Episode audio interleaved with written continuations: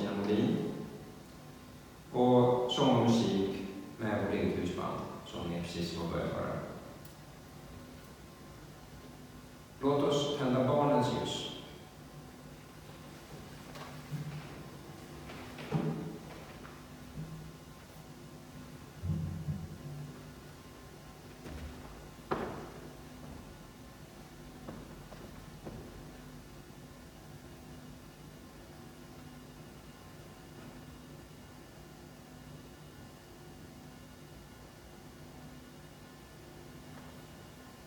Vi tänder ett ljus och tänker på barnen runt om oss och långt ifrån oss. De vi längtar efter, de vi träffar ofta. Våra egna barn och andras barn. Tack far, att du hjälper barn.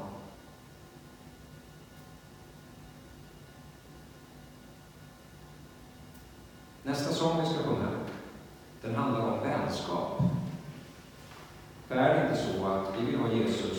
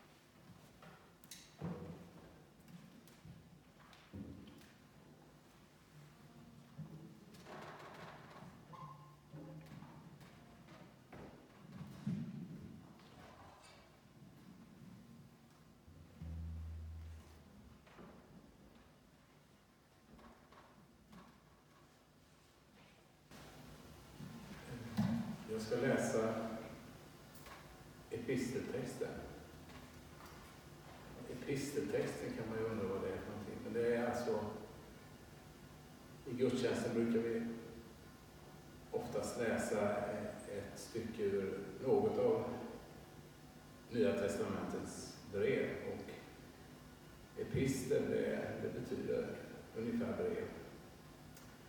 Och den här gången är det eh, från Romarbrevet, alltså Paulus brev till församlingen i Rom.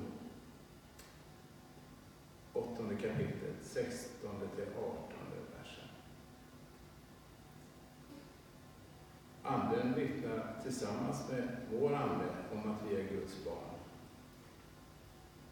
Men är vi barn, då är vi också arvingar.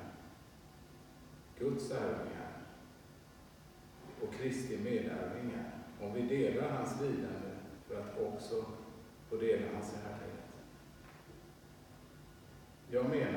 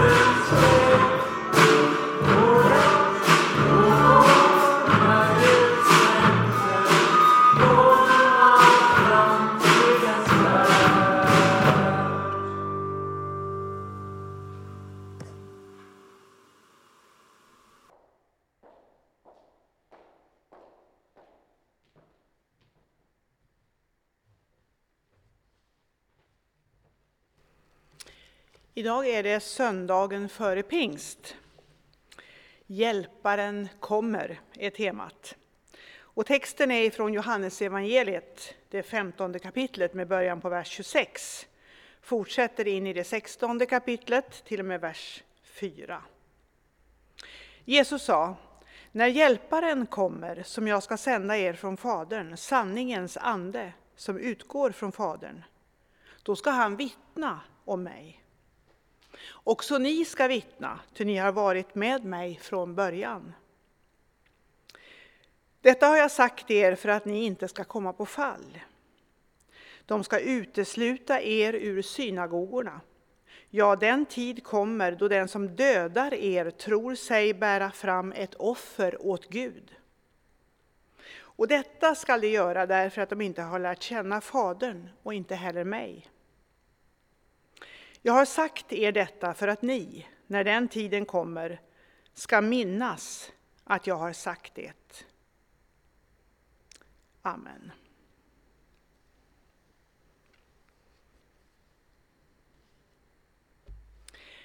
När jag var barn, eller i varje fall mycket ung, så läste jag Kitty-böckerna. De, det är flickböcker. Och de handlar om en tonåring som löser mysterier. Och det finns många böcker i samma genre. Inte bara om Kitty, utan också många andra. Och precis som deckare för vuxna så gillas den här typen av böcker av väldigt många.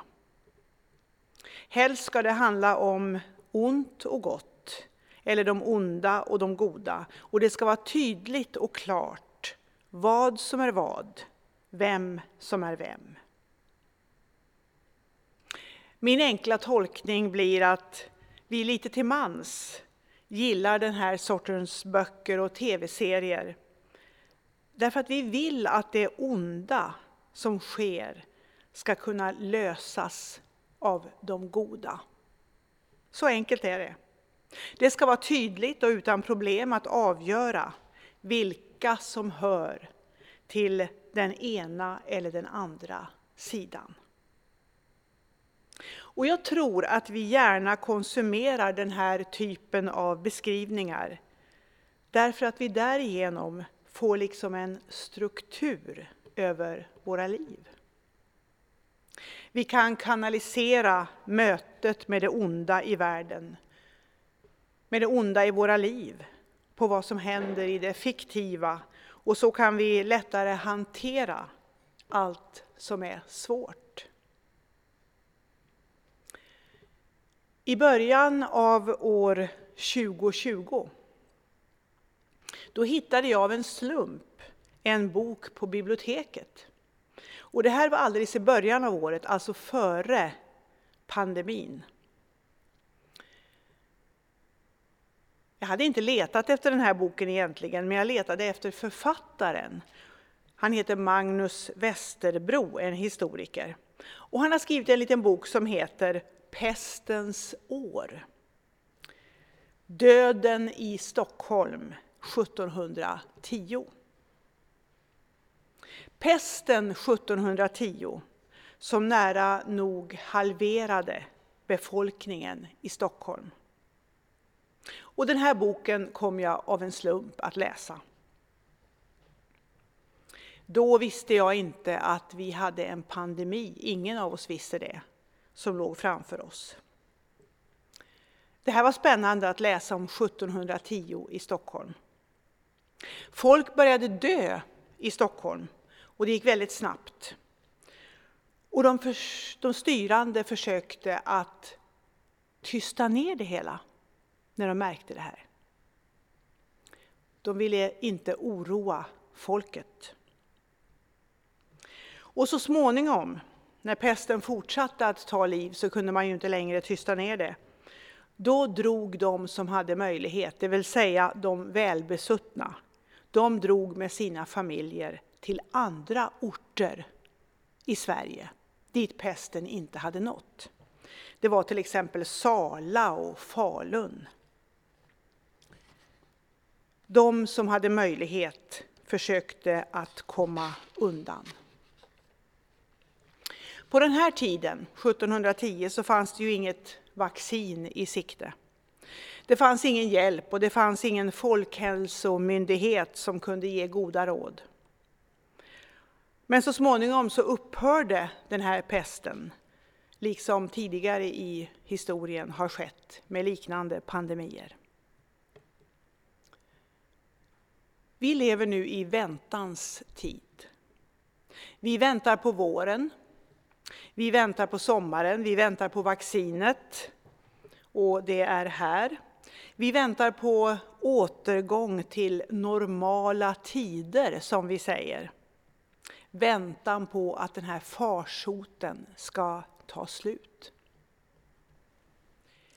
I kyrkan infaller nu om en vecka pingsten, Andens högtid. Det är en viktig högtid under kyrkoåret, men den står något i skymundan efter påsken och julen, måste vi ju säga. Söndagen före pingst är en väntans tid. Och den infaller direkt efter Kristi himmelsfärdsdag.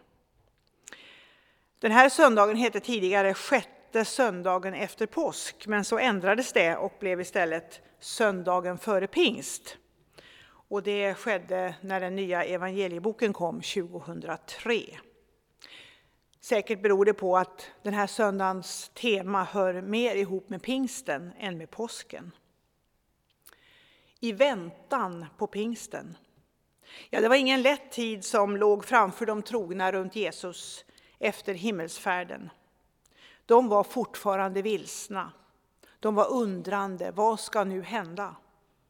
Hur ska vi kunna återgå till det vanliga livet igen? Vad händer nu när Herren Jesus inte längre lever mitt ibland oss?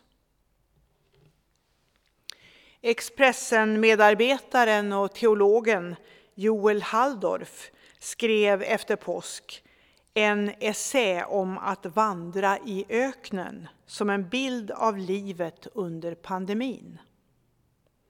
Det utdragna, det tråkiga, likt en ökenvandring eller ökenvistelse som livet faktiskt ser ut för väldigt många. En ständig långfredag skulle man kanske kunna likna tillvaron vid under restriktioner. Hur kommer livet efter den här perioden att bli? Vad innebär det att återgå till det vanliga? Blir livet någonsin vanligt igen? Ja, inte för de sörjande eller de långtidssjuka. Men i kyrkan så säger vi att hjälparen kommer. Vänta bara lite till. Vi har ett löfte som vi får ta in i våra liv och som vi får möta i våra liv. Och vi är verkligen i behov av hjälp. Mycket hjälp till och med. Den tredje personen i gudomen enligt kristen bekännelse är den ande som finns där hela tiden men blir påtaglig genom pingstens händelser. Den helige ande inblåses, Guds helige ande inblåses i de förtorkade benen i den dramatiska texten som vi läser från profeten Hesekiel kapitel 37. Där ligger de döda benen utspridda på fältet. Och så sätts ben till ben. Senor, kött och hud läggs till. Och så kommer Gud och blåser liv in i de döda kropparna genom sin ande. Och benen börjar röra sig. Det är livfullt hur det beskrivs hos Hesekiel. Benen börjar röra sig, de återfår liv. Och människorna reser sig upp. Och det blir en väldig här till och med av levande människor. Och så återgår livet med full kraft och de döda blir levande igen. Genom anden, Guds heliga ande. Jesusordet i eh, evangelietexten som vi läste, eller som jag läste nyss, innehåller ett stort allvar. Det är en allvarlig text. Vi behöver anden för att våga, för att kunna och så fortsätta att berätta, att vittna. Och sen kommer det svåra. Sen kommer svårigheter. Förföljelse och död talas det om. Missförstånd och missuppfattningar. Sanningens ande är den som pingsten vill belysa. Inga fake news, inga felaktiga anklagelser.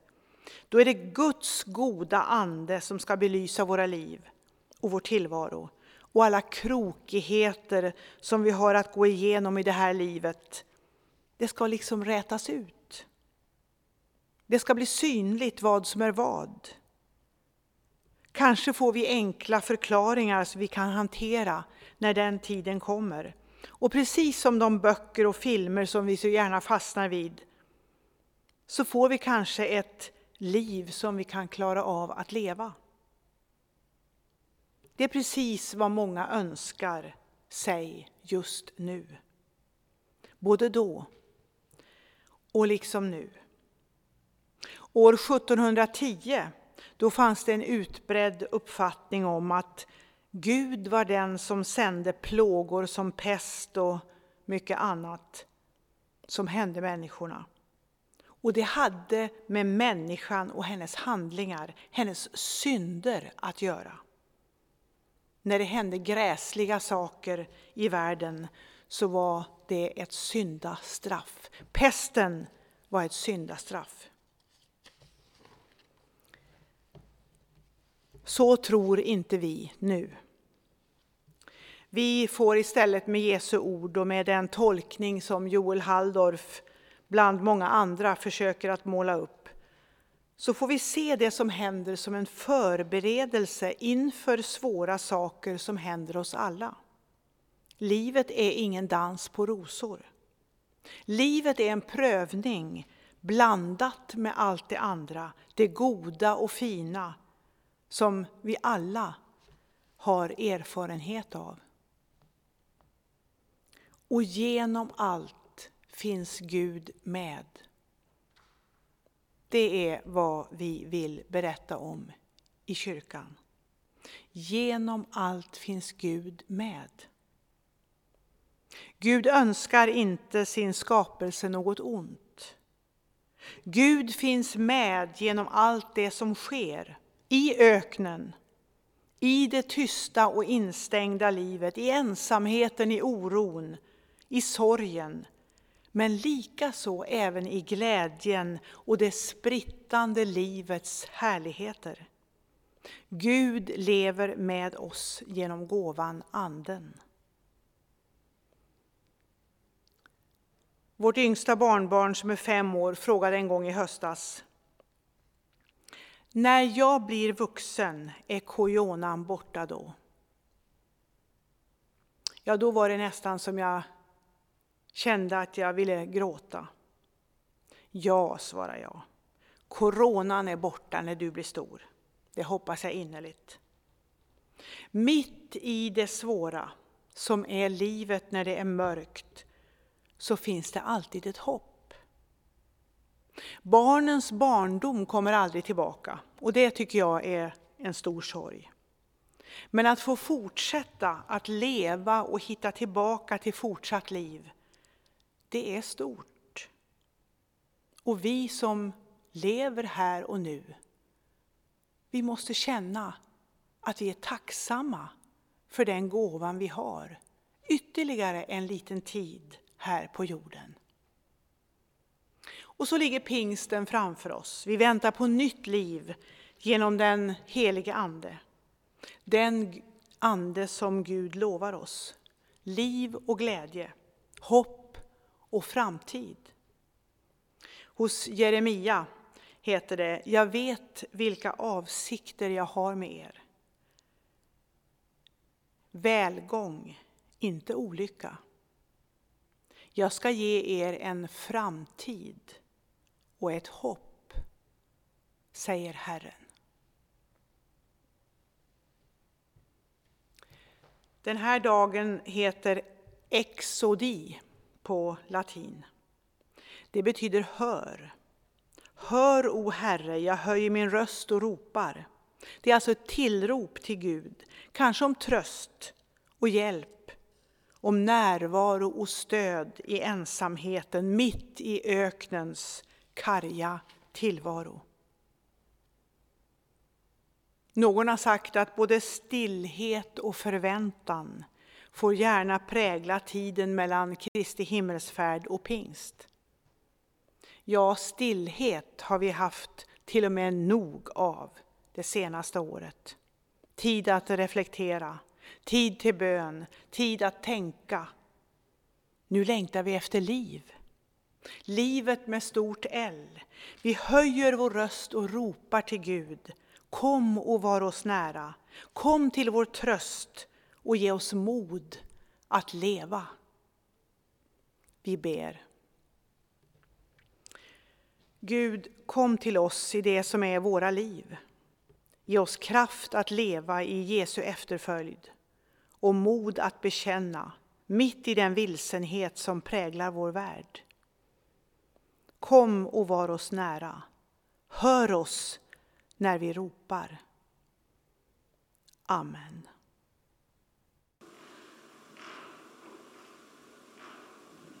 When ten thousand arrows in flight remind me that you are my armor, there's always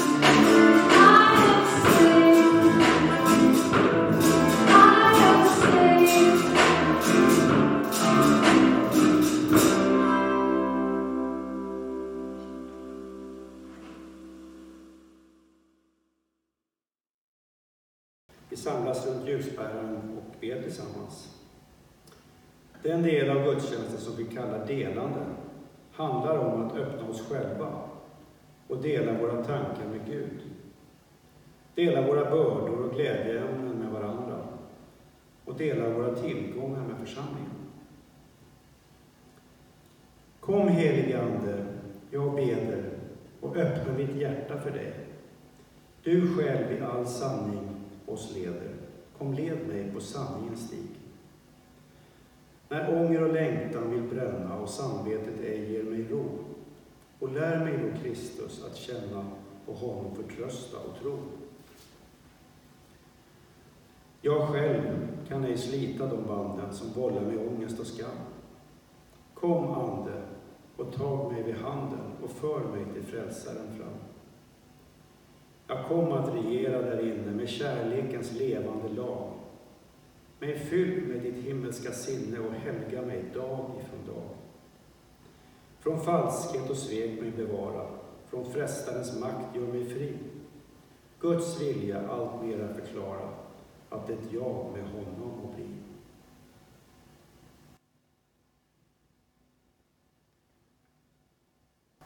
Far, vi ber om hjälp.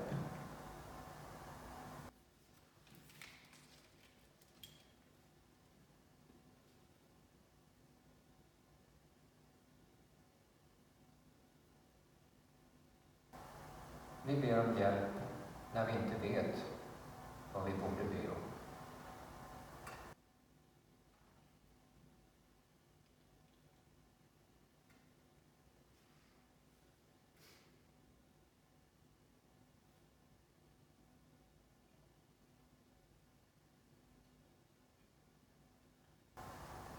Vi ber om hjälp att vara dina vittnen.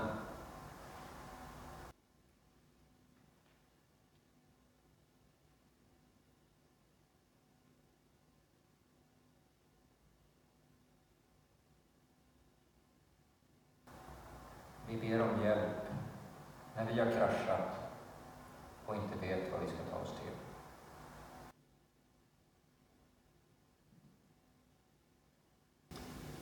Vi förblir i bön och under tiden så sjunger husbandet Kom tätt intill.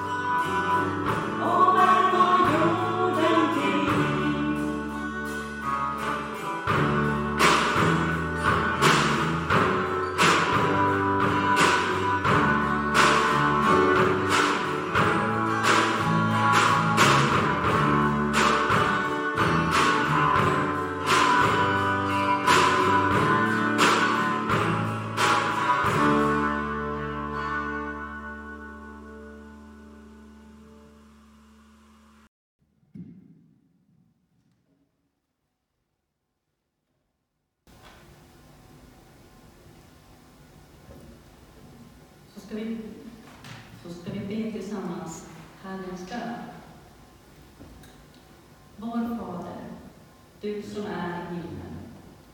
Låt ditt namn bli helgat. Låt ditt rike komma. Låt din vilja ske på jorden så som i himlen. Ge oss idag det bröd vi behöver och förlåt oss våra skulder, liksom vi har förlåtit dem som står i skuld till oss. Och utsätt oss inte för prövning, utan rädda oss från den onda.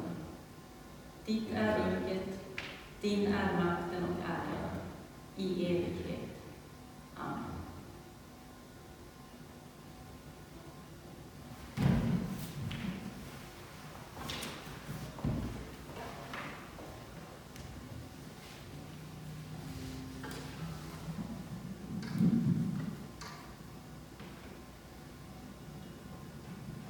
Jag ska läsa från Psaltaren 33. Herren vakar över dem som fruktar honom, över dem som hoppas på hans nåd. Han räddar dem från döden och håller dem vid liv i hungertid. Vi sätter vårt hopp till Herren, han är vår hjälp och vår sköld. I honom har våra hjärtan sin glädje. Vi förtröstar på hans heliga namn. Herre, låt din nåd vila över oss, ty vi hoppas på dig. Ja, låt oss glädjas i hoppet. Vi får nu strax ta emot välsignelsen. Och sen sjunger husbandet en sista sång om hoppet om nåden om solsken efter regn. Tack att du har deltagit i den här tjänsten.